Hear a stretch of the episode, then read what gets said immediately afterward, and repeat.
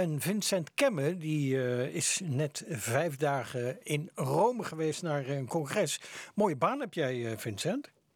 Ja, een baan is niet 100% het woord, want het, financieel is het meer liefde, werk en oud papier. Ja. Maar het is wel een boeiende activiteit. En uh, ik was zelfs uh, wel, zes, zes, ja, wel meer dan vijf, ik geloof zes dagen, maar het doet er niet toe, in Rome.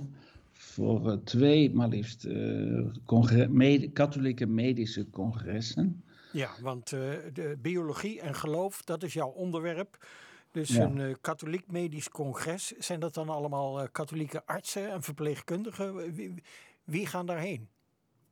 katholieke artsen met name en ja. belangstellenden. Dus er komt ook wel eens een priester die opduikt, of een religieus, of een bioloog zoals ik. En zoals we weten is ons lichaam heel biologisch, zit dat in elkaar. Dus dat betekent dat ik. Eh, maar goed, mijn specialiteit is biologie en geloof. Mm Dat heeft uh, meer filosofische, maar ook ethische aspecten, praktisch. Hoe moet ik nu met het leven omgaan? En dan kom je bijvoorbeeld in de medische wereld terecht, waar we met het biologische materiaal dat ons lichaam is, uh, proberen van alles te doen. Bijvoorbeeld. Uh, ja. En wat was het onderwerp? Het onderwerp was uh, repareren of transformeren. Wat is de roeping van de, de katholieke of de christelijke arts? Mm Dat klinkt wat abstract, maar repareren bedoel, kun je gewoon eigenlijk vertalen door genezen, herstellen. Ja. Maar transformeren, dat heeft meer weg van veranderen. Dus de vraag is of de arts, de christelijke arts, of de om het even welke arts, ja.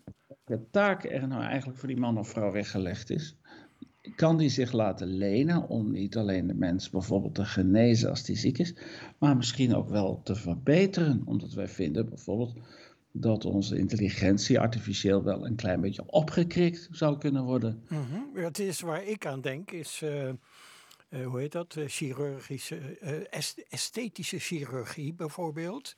Ja. De, de, ja, dat is toch de normaalste zaak van de wereld, hè? Een, een neuscorrectie of zo, of grotere of kleinere borsten, daar, daar zal de discussie toch niet over gaan, of wel? Tot op zekere hoogte toch ook wel hoor. Want, ja? Ja, de vraag is natuurlijk.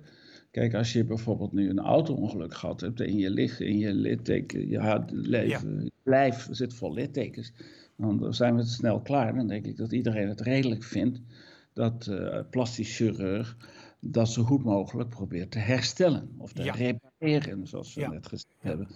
De genezen is niet hier helemaal het goede woord, maar herstellen, dat we zeggen. Uh, gaat het nu om bijvoorbeeld mensen die uh, psychisch lijden onder uh, ja, een scheve neus of misschien andere vorm van het lichaam die minder gunstig uitgevallen zijn, om het zo te zeggen. Dan kun je al nog zeggen, het is niet direct een, een, een gewonde toestand of zo. Maar het is een belang van de persoon, die niet alleen lichaam, maar ook psyche is enzovoort om die misschien toch die neus recht te zetten. Of dus die... Eh, eh, geestelijk lijden als uh, zeg maar uitgangspunt voor een lichamelijke verandering. Dat zou kunnen in bepaalde gevallen. Het is niet uitgesloten dat het bijvoorbeeld dat je tot het oordeel komt dat het misschien toch gewenst is, als het tenminste de operatie niet al te zwaar is en niet te mhm. veel risico's met zich meebrengt, om, om bepaalde vormen van reparatie, zeg maar, of van verbetering toe te laten en te zeggen: oké, maar nou goed, je kunt je voorstellen dat je daar op een gegeven moment een grens over gaat. En dat je dus bijvoorbeeld uh, ja, een operatie, chirurgische operatie gaat doen die de mens niet zozeer uh, in een meer normale positie, situatie brengen, die die ook mentaal goed kan, uh, daar zich beter bij voelt, maar die, dat, dat je hem gewoon echt gaat veranderen, zeg maar. Dus ja. een, dan kun je denken aan de zoveelste botox-operatie. Of, mm -hmm. Maar ik, uh, jij hebt uh, daar een, een, congres gehad, dus je gaat daar niet vijf dagen over dit onderwerp praten. Ik denk dat het veel breder is. Klopt dat? Het is, het is we zitten nu opeens in de plastische chirurgie. Dat is maar één van de specialisaties waar de vraag zich stelt in hoeverre de arts geroepen is om mensen te herstellen, genezen, repareren, noem het wat je het noemen wil. Mhm Of dat de arts ook geroepen is om bijvoorbeeld de mensen een beetje beter te maken dan God hem gemaakt heeft, om het zo te zeggen. Bijvoorbeeld in de neurologie. Ja. was een indrukwekkende voordracht van een neurochirurg uit de Verenigde Staten, zekere Paul Camarata die uh, en alles weet van de technische mogelijkheden vandaag om bijvoorbeeld met implantaten hersenen, onderdelen van de hersenen te, te, aan te sturen. En waar ligt nu de grens tussen defecten repareren ja.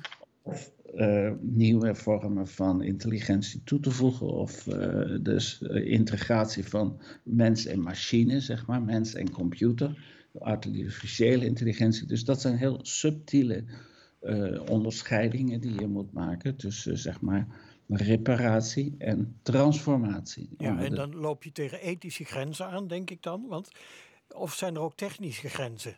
Er zijn natuurlijk technische grenzen. We kunnen bijvoorbeeld een ander thema is natuurlijk dat we niet tevreden zijn met het feit dat we niet allemaal 500 jaar worden, maar, maar slechts maar 80 of 90. Ja. Uh, dus dat is leeftijdsverlengende zaken. Er zijn allerlei toepassingen. Maar uh, dus er zijn technische beperkingen of biologische beperkingen. Maar uh, ethisch, ja, dat is een iets ingewikkeld om uit te leggen. Want wat is ethiek?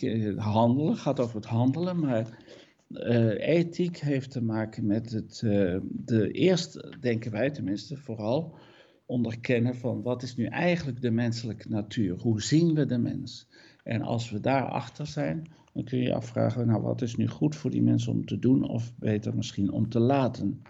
En bepaalde vormen van verbetering van de mens, daarvan kun je zeggen, ja, daar wordt, dat, is, dat getuigt niet van veel respect van de menselijke natuur zoals die eh, is. En zoals wij christenen denken dat die ook niet alleen is, maar ook door God geschapen is. Dus, God door, hè, dus wij de, de hele thematiek rond het congres was artsen te leren die menselijke natuur, die we vanuit ons geloof zien als zo geschapen, God zag dat het zeer goed was, dat we die niet zozeer zo nodig moeten willen verbeteren vanuit eigen wijsheid van de mensheid, maar moeten de wijsheid van God, waarin alles geschapen is, respecteren en de geneeskunde in dienst stellen van met name daar waar nodig het herstel daar waar een, ziekte is, of een ongeluk, of een tekort, of mhm. een ander probleem. Dus een meer, ik zou zeggen, meer nederige rol van de geneeskunde ten aanzien van de menselijke schepping, menselijke natuur. Ja. Dat is de centrale gedachte. Oké, dus als ik het goed begrijp, een, uh, iemand, een gehandicapte sporter uh, zonder benen, die dan uh, ja, van die ja, dingen krijgt aangemeten, waardoor die toch aan de Olympische Spelen kan meedoen, dat is prima, er is niks mis mee. Ik durf daarvan te zeggen dat dat in de categorie herstel valt. Eh, er is niets tegen sport en er is wel duidelijk sprake van een gebrek, van een probleem. Mhm. Als hij een geamputeerd been heeft, of ik zeg maar wat. Ja. En als je dan dus die twee dingen combineert, dan zien, zien, zien wij geen probleem ethisch, omdat uh, dat, uh, dat heeft ook vaak een beetje met proportionaliteit te maken natuurlijk. Van je kunt onevenredig eh, grote middelen aanwenden om een probleem, een relatief klein probleem op te lossen. En dan overshoot je als het ware je, jezelf. Maar binnen het redelijke, dus uh, dit is een. Uh, kijk, de mooiste voorbeelden zijn natuurlijk uit de gezondheidszorg, waar gewoon sprake is van. nou, laten we zeggen, iemand heeft een, een auto-ongeluk gehad en halfzijdig verlangd. Maar dan heb je van die exoskeletten, dat zijn halve robotten die als het ware aantrekt. Ja. Als men, en waarbij dus zo iemand dan toch weer behoorlijk kan leren lopen. Mhm. daar, zijn, daar helpt de technologie om de persoon terug in zijn waardigheid als het ware te herstellen. Ja. Dus, uh, Oké, ik, ik, ga eventjes de, de film uh, heel snel doorspoelen. Ja. Uh, vijf dagen, dit congres. Kun je in vijf minuten dat is natuurlijk ja, in vijf minuten een aantal conclusies die de dames en heren eh, medici hebben getrokken. Nou, gelukkig waren het maar drie dagen voor dit congres. En de andere dagen heb ik aan andere dingen besteed. Oké, dan krijg je vijf minuten voor drie dagen. De drie, drie dagen had uh, een medische sessie, een uh, filosofische en een theologische sessie. Dat zijn altijd de twee niveaus waarbij bijvoorbeeld biologie en geloof ook met elkaar samenhangen. De biologie, de natuurwetenschap, de filosofie, hoe zien we de mens, de antropologie, heet, ja. valt een duur woord. Hoe zien wij de mens? Vinden we dat de mens niet goed genoeg is of toch wel goed gemaakt is? En de theologie, wat zou Gods mening erover zijn, om het eens even populair te zeggen. En dat in drie dagen, hè?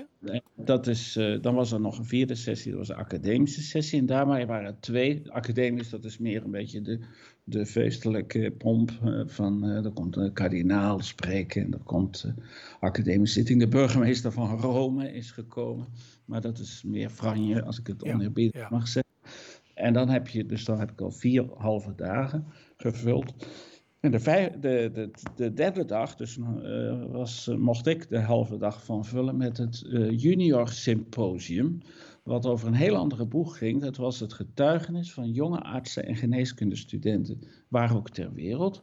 Die elkaar kwamen vertellen welke, wat hun, hoe zij in hun beroep, in hun werelddeel konden getuigen van de hoop die in hun leeft als christelijk geneeskundige.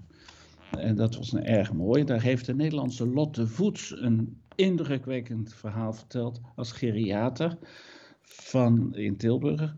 Geriater? Uh, uh, vrouw, dus arts voor oudere mensen. Hè? En een jonge vrouw van misschien 30, ik hoop niet dat ik haar beledig.